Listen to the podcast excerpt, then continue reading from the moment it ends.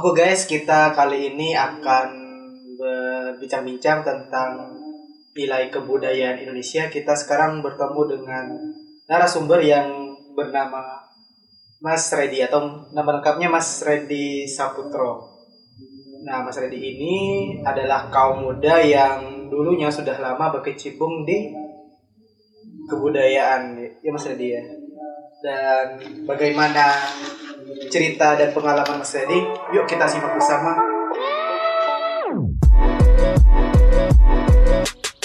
Oke Mas Redi, memperkenalkan diri dulu ya. Hai teman-teman semua, saya Redi Saputro, biasa di akrab dipanggil Redi. Nah, Mas Redi sekarang kesehariannya sebagai apa dan gimana kesehariannya? Keseharian saya uh, sebagai penggerak dan penggiat di Bondowoso Tempo dulu adalah sebuah komunitas dan wadah anak muda untuk uh, melakukan uh, apa ya uh, registrasi dan pencatatan juga pelestarian sejarah dan khususnya kebudayaan megalitikum yang ada di Kabupaten Bondowoso. Oh, gitu ya. ya. Oh iya, katanya Mas Redi sudah lama ya berkecimpung di kebudayaan Bondowoso itu. Nah, Uh, mulai sejak kapan itu? itu bukan lama sih saya berkecimpung untuk khususnya di kebudayaan megalitikum tuh baru baru 2007 Oh. 2007 Oh, baru baru 2007. 2007 Sekarang 2019 sudah. 2019 jadi sudah 12 tahun itu baru dua baru 12 tahun ya. Baru 12 tahun betul ya 12 tahun ya? Oh dulu ceritanya katanya sering masuk-masuk ke dinas pariwisata gitu ya. awal mulanya saya sejak lulus eh, SD di tahun 2006 2007 di mana eh, saat itu eh, isu megalitikum itu isu-isu tentang peninggalan purbakala itu belum terlalu terdengar khususnya di kalangan anak-anak muda dan remaja SMP saat itu eh, saya di dekat rumah saya di daerah Pucer ini eh, ada beberapa benda peninggalan megalitikum seperti itu. Dan saya sering baca-baca buku di LKS dan buku mata pelajaran SMP saat itu. Bagaimana saya tertarik mengorganisir teman-teman saya mengorganisir teman-teman mengajak beberapa teman saya untuk eh, menginisiasi namanya dulu KP3B Kelompok pemuda par, kelompok pem- eh, kelompok pemuda pelopor pariwisata budaya. Di tahun 2007 saat itu di launching eh, 10 November 2007 di Gua Buto di Cermi Waduh, gua butuh cermin.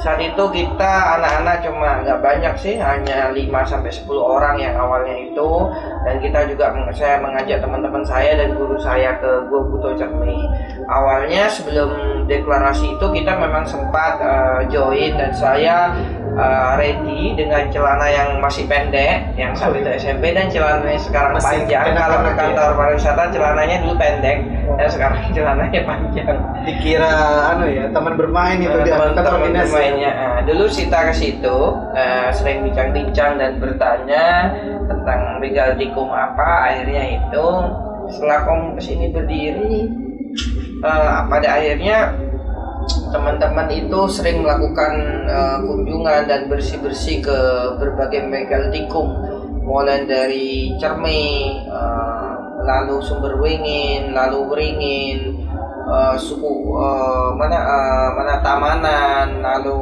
eh, Gerujukan, Maesan, Tapen, Wonosari dan berbagai tempat yang sering ini.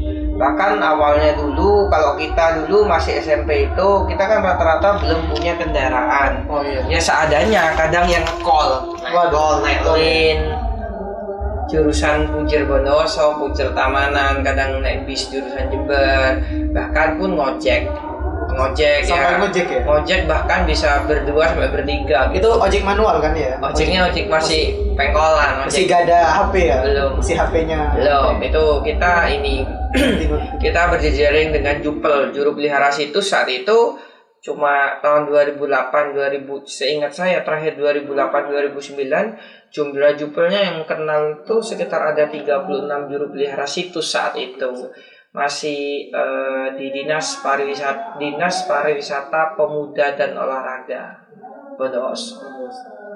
Oh iya nih Mas Red, apa dah yang membuat Mas Reddy itu menarik tentang kebudayaan tuh apa udah mulai kecil itu? Sebenarnya kan budaya itu kan olah rasa, olah jiwa, or uh, seseorang yang orang buat, yang orang ciptakan untuk uh, dan dilakukan dan dilestarikan secara terus menerus. Itu kan kebudayaan. Dari menurut Mas Redi itu dari kebudayaan Indonesia itu menurut pandangan umum Mas Redi uh, kebudayaan Indonesia itu gimana atau menurut Mas Redi itu kebudayaan itu apa? kebudayaan itu kan e, kalau ini bukan berdasarkan tokoh ya, iya. bukan sosiolog juga, tapi berdasarkan olah rasa, olah jiwa yang diwujudkan melalui suatu bentuk. Misalnya kebudayaan itu bisa uh, kebudayaan itu nanti uh, bisa diartikan luas, bisa di uh, uh, apa ya hal-hal yang dilakukan uh, yang membudaya, artinya yang uh, yang diwariskan oleh seseorang yang sudah diciptakan dan dilakukan oleh terus menerus seperti itu seperti misalnya budayanya ada adat istiadat, ada tari, ada permainan tradisional itu kan yang uh, uh, beberapa peninggalan kebudayaan seperti itu. Misalnya megalitikum juga peninggalan kebudayaan seperti itu. Segitu ya. Oh ya kita lanjut break ya, break break break. Oke kita ada setelah sedikit aja Terus kita berlanjut ke sesi kedua.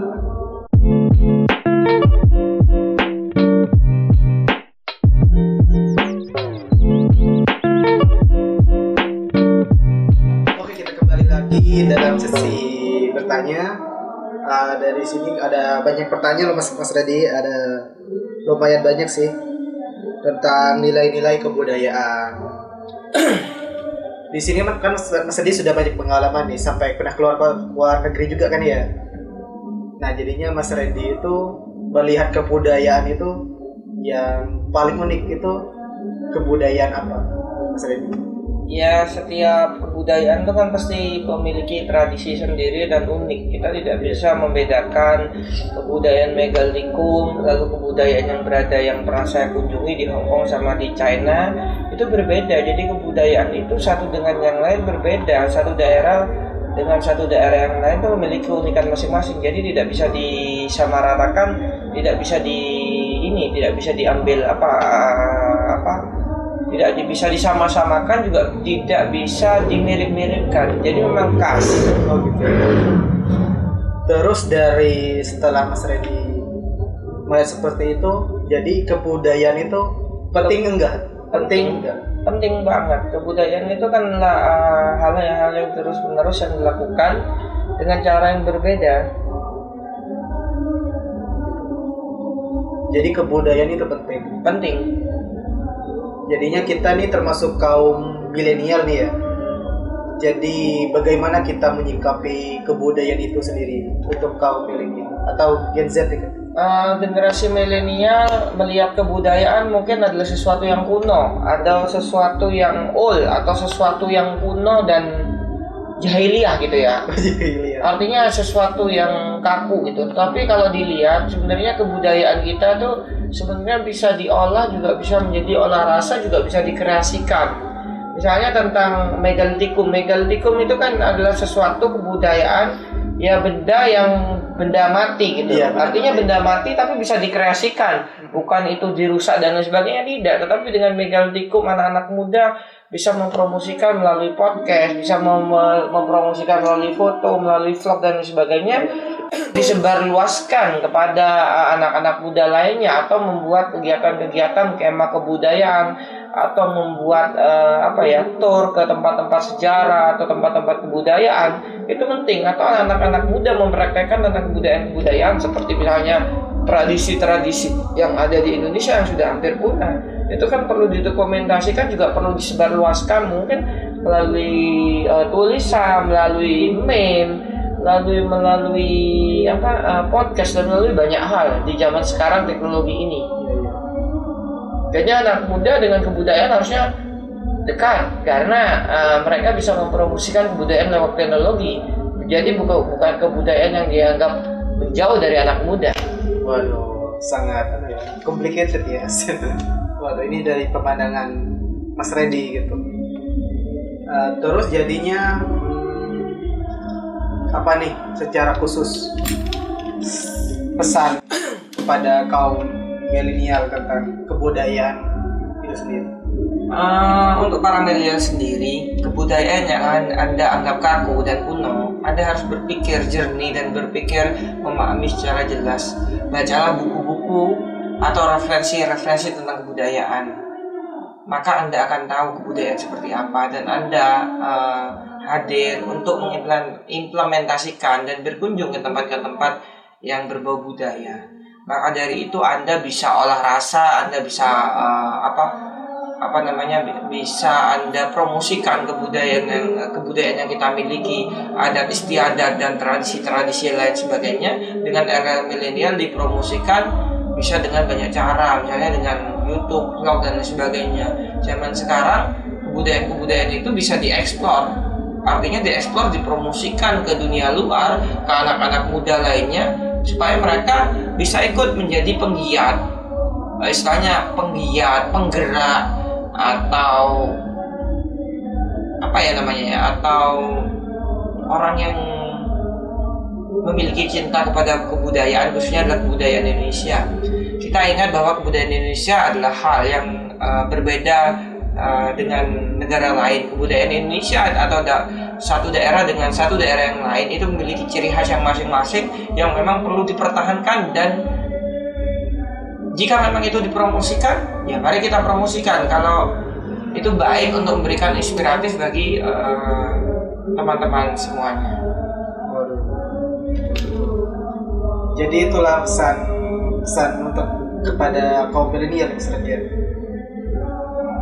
sangat sangat banyak sekali ya jadi yang kita untuk memperbaiki diri kita sendiri kepada kebudayaan kita yang dari kaum tua atau kaum old itu sangat miris gitu melihat kita. Padahal kita itu juga ingin berperan untuk melestarikan kebudayaan kita seperti